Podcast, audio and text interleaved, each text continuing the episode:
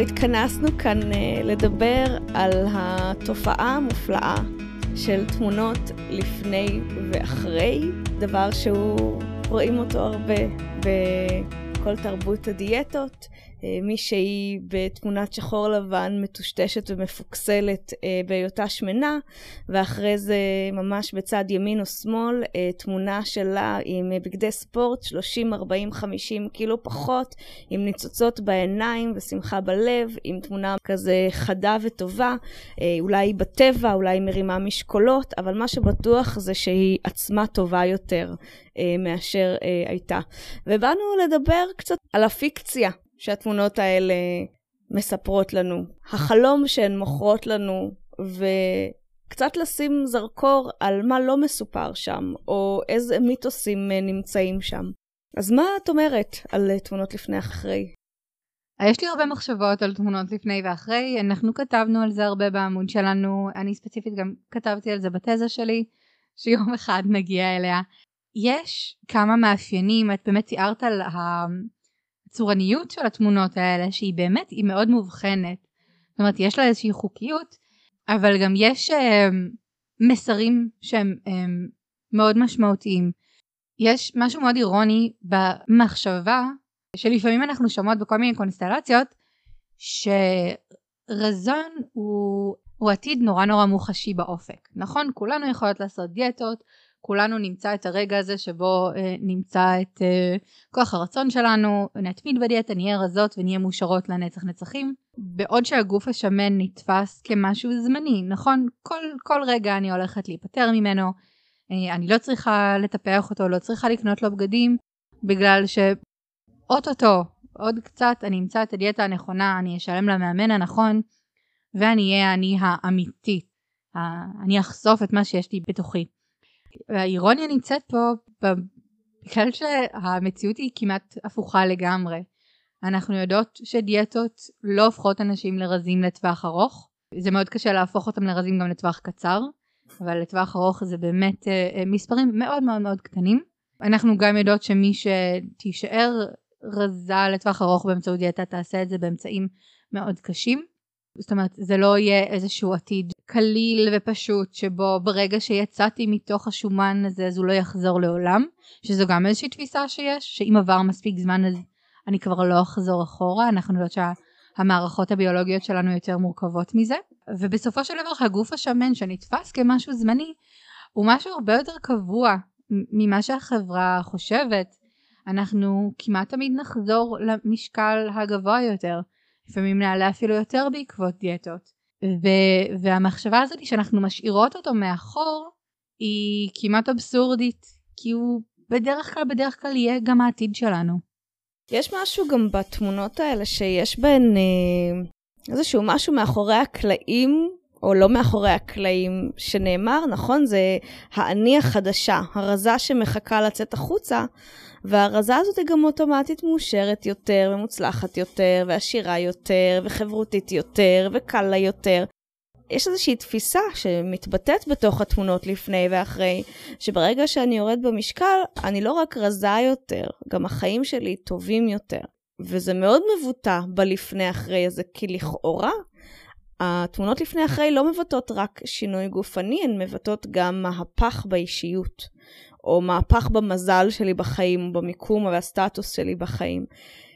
וזה כמובן לא נכון, אחד, כמי שעשתה הרבה מאוד דיאטות בחייה, אני יכולה להגיד לך שירדתי במשקל וחשבתי שכל בעיותיי ייפתרו, וכל הקשיים שלי, ודפוסי המחשבה שלי, והדברים שמאתגרים אותי, וואלה, נשארו איתי.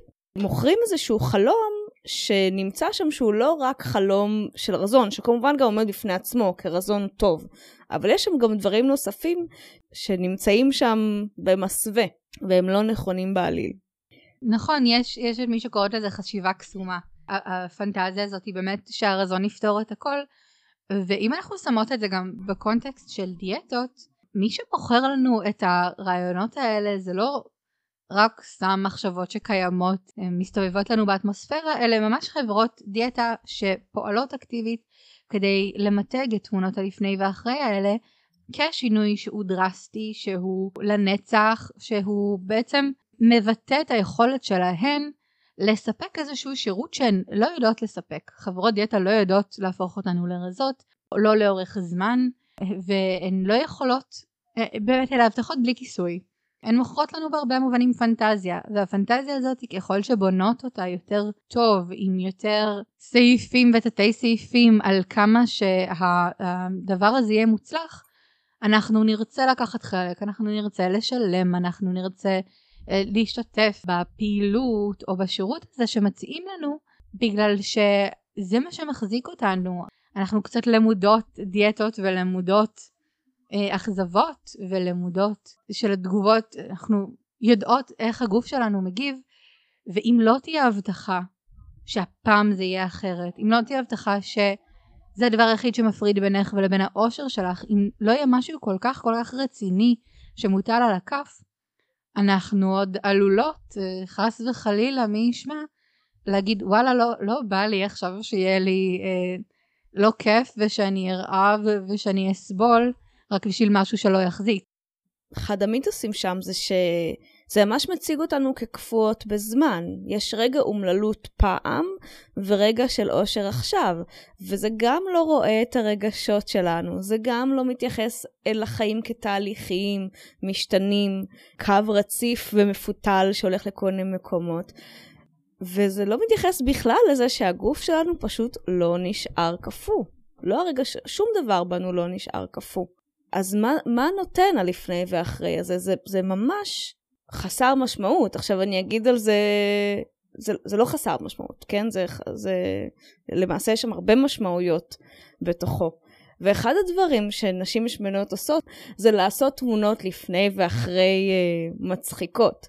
נכון? אז חלק מצורת ההתנגדות זה למשל, יש איזה תמונת לפני ואחרי ממש אה, מצחיקה, של אה, מישהי, תמונה עם החבר שלה, ותמונה אחר כך לפ... בלי החבר שלה, והיא אומרת, אה, תראו, אה, נפטרתי מ-130 פאונד ועכשיו אני מאושרת. כלומר, שזה בא לצחוק על זה שמערכות יחסים שלא טובות לנו, שבהם אומרים לנו לרדת במשקל, או עושים לנו רע על הגוף שלנו, הרבה יותר חשוב להיפרד מאלה, מאשר מה... כמה שלא יהיה קילוגרמים. כן, ואני חושבת שזו צורת התנגדות שהיא בעיקר היא מצחיקה בגלל שהיא משתמשת במשהו שהוא מאוד מכאיב והיא הופכת אותו למגוחך. יש משהו עם, עם כמה שאנחנו מפתחות את החוסן שלנו ואת הידיעה שאנחנו, הערך שלנו לא קשור בכמה שאנחנו שוקלות או באיך שאנחנו נראות, יש עדיין משהו מאוד מאוד מכאיב בלראות מישהי, בין אם אני מכירה אותו או לא, אומרת בצורה חד משמעית, תראו את מי שהייתי פעם, השמנה שהייתי פעם, וכמה שהיה לי רע, וכמה שהיום נהדר לי. עכשיו, באמת יכול להיות שהיה לה רע, מהרבה סיבות, שהן לאו דווקא רק עצם העובדה שהיא הייתה שמנה. אנחנו יודעות הרי שגם יחס החברה הוא משהו שהוא מאוד קשה להתמודד איתו. וכאישה רזה את מתמודדת איתו פחות. אבל ההסתכלות הזאת, אם דיברנו, היה לנו פרק על סלביות שעשו מהפכים ורזו, ואנחנו מסתכלות על הלפני, והלפני יכול להיות שהיא נראית כמונו, או יכול להיות שהיא מישהי שמאוד אהבנו, או שהיא מישהי שהזדהינו איתה, ולשמוע מאותה מישהי, כי זה לא באמת אדם שונה, אומרת שבאותה תקופה היה לה ערך נמוך יותר, הייתה שווה פחות, והיא לא אוהבת את מי שהיא הייתה אז, ומי שהייתה אז הייתה הכניסי כאן כל דבר שלילי שאפשר להגיד על גופים שמנים זה צובט בלב. זה מישהי אומרת על מי שאת כרגע זה העבר הלא טוב שלי. ומזה אפשר להסיק מי שאת כרגע זה מישהי לא בסדר, את אמורה להשתנות, את עדיין בלפני שלך, עוד לא הגעת לרגע של האחרי שלך, את אמורה להגיע אליו. זה ממש רומז שנשים שמנות הן לא חיות את החיים הכי טובים שלהן, שיש איזו נקודה שהן אמורות להגיע אליהן, ואם הן לא עושות את זה, אז הן לא חיות את החיים שלהן במלואן, שבו הן אמורות להשתנות. זה מפחית מהערך של מה שאני עושה. עכשיו, אני אגיד שאנחנו גם מכירות סיפורים לא מעט של נשים שיכולות להיות מאוד מאוד מוצלחות, אבל כל מה שהן רואות זה את זה שהן עדיין שמנות. או שהן סבבה עם זה והן מאוד מאוד מוצלחות ושמנות, והחברה רואה את זה של אבל אתן עדיין שמנות. וזה פשוט לא נותן מקום לזה שאנחנו מגוון, אנחנו גם הגוף שלנו, והגוף שלנו יכול להיות כל מיני דברים, ואנחנו עוד דברים, שגם הם יכולים להיות טובים, רעים, בינוניים, מוצלחים, כל מיני דברים. כן, את באמת מתארת פה את, ה, את המקום הזה שבו הרבה נשים שמנות, לא רק שהן מקבלות את המסר שהחיים שלהן הם לא החיים הכי טובים שהן יכולות לחיות, אלא גם מפנימות את זה ודוחות במובן מסוים את, ה, את החוויות שהן רוצות לחוות. לפעמים מהתמונות האלה שלפני ואחרי באות, אה, את אמרת אולי בטבע, לפעמים זה בתמונות מאוד הרפתקניות. או תמונות של אה, מישהי שהיא לובשת סוף סוף אה, בגדים מאוד צבעוניים, או בגד ים, או נמצאת באיזושהי סיטואציה שאנחנו נוטות להאמין שלא בצדק שאנחנו לא מגיע לנו להיות בה. בגלל שאנחנו צריכות להרוויח את הזכות להיות בה באמצעות רזון. ואצל כל אחד זה יכול לשבת על מקום אחר, זה יכול לשבת על טיולים, זה יכול לשבת על בגדים מסוימים, זה יכול לשבת על זוגיות, זה יכול לשבת על קריירה, אבל באמת המחשבה הזאת שאנחנו מעין לפני מהלך כזה, עוצרת אותנו מ- מלעשות את הדברים שאנחנו רוצות לעשות. כן, ואני מזכירה שבפרק של ההחלטות לשנה החדשה דיברנו על זה, על אם אנחנו מזהות שמשהו הוא מטרת ביניים, למשל לרזות כדי ללבוש בגד ים, לרזות כדי לעשות X, אז לראות אם אפשר לעשות את ה-X שאני באמת רוצה בלי זה.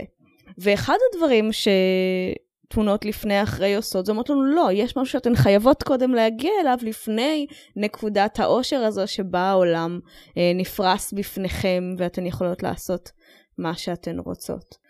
אני, עוד משהו שעולה לי מהכיוון הזה של השיחה זה שבאמת יש הרבה מאוד כוחות שחוברים ביחד כדי שנרגיש את ההרגשות האלה.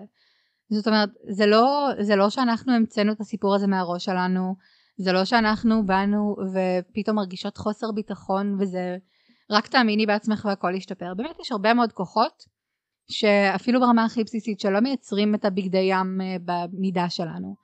או יש אה, מקומות שהם לא נגישים לנו פיזית לעשות בהם טיולים. ויש פה כמה אפיקי פעולה שחשוב שנעשה ואחד מהם זה באמת לדבר ולפתוח ולהנגיש להנגיש חוויות מסוימות, אם לא את כל החוויות, לכל האנשים. להפסיק לעשות gatekeeping.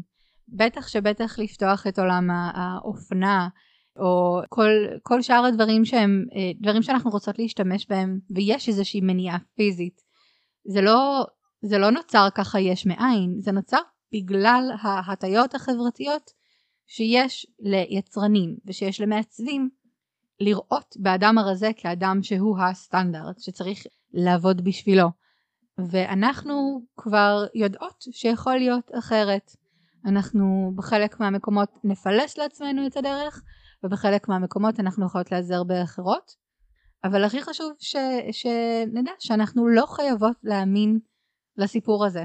אנחנו לא חייבות לעקוב אחרי אנשים שמפרסמים תמונות לפני ואחרי. בוודאי שאנחנו לא חייבות לעקוב אחרי חשבונות של כל מיני um, תאגידי דיאטה שונים שעושים את זה בצורה מאוד מאוד משמעותית. אנחנו יכולות להגיד שאנחנו לא רוצות להיות חלק מזה, עם כל הקושי שבדבר, ו- ולמצוא את המקומות שבהם יש, יש כל מיני בלוגים של מטיילות שמנות, ובטח שהפקות אמ, אופנה של אנשים שמנות, ואנחנו יכולות למצוא אותן ולהיעזר בהן כדי לדמיין איך אנחנו נוכל להגשים את הדברים שאנחנו רוצות להגשים, באמת אם להוציא את העניין של הרזון מהמשוואה. חשוב לי להוסיף שגם יכול להיות שבעקבות המשקל שלנו יש דברים שאנחנו באמת לא יכולות לעשות, כמו שהם או בגלל שהחברה לא מאפשרת אבל אין לזה פתרון כרגע, או כי באמת יש איזושהי מגבלה. עכשיו חשוב לי להגיד את זה בגלל שיכול להיות שיש מה שאנחנו רוצות לעשות ונאלץ להבין שלא נצליח, וגם להוריד במשקל זה מחיר יותר מדי גדול בשביל לעשות את הדבר הזה.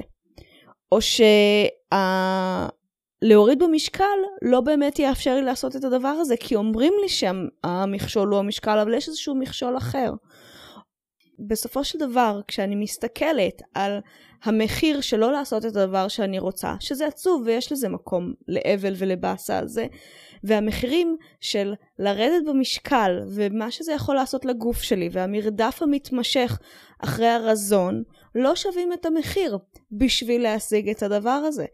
ואני חושבת שאנחנו צריכות להחזיק את זה, שיכול להיות שיש דברים מכל מיני סיבות ונסיבות חיים שאנחנו לא יכולים לעשות, ועדיין לא עדיף לשנות את עצמנו כי המחיר הוא יותר חמור. כלומר, אנחנו לא רוצות לצבוע את זה כ...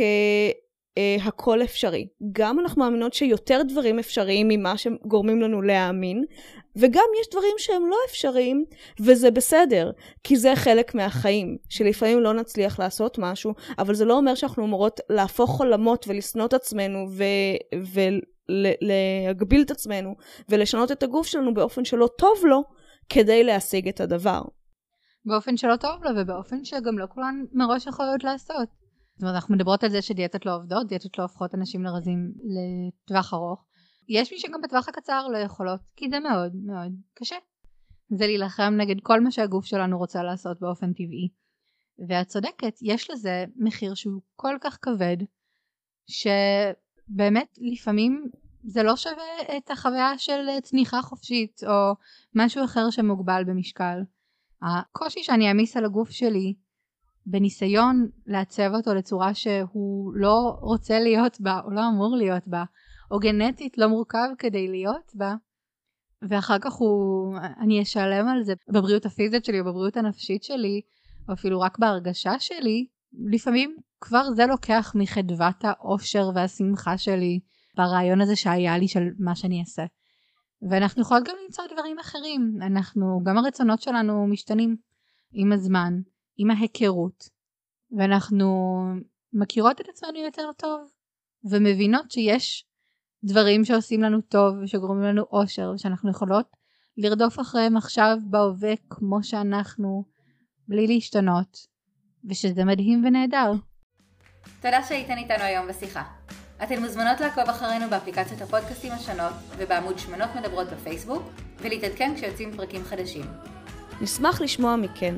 כתבו לנו במייל fatwomantalk@gmail.com שנמצא גם באתר הפודקאסט. אתן מוזמנות להמשיך איתנו את השיחה בקבוצת הפייסבוק תופסות מקום שמנות מדברות על שמנופוביה. נתראה בפרק הבא.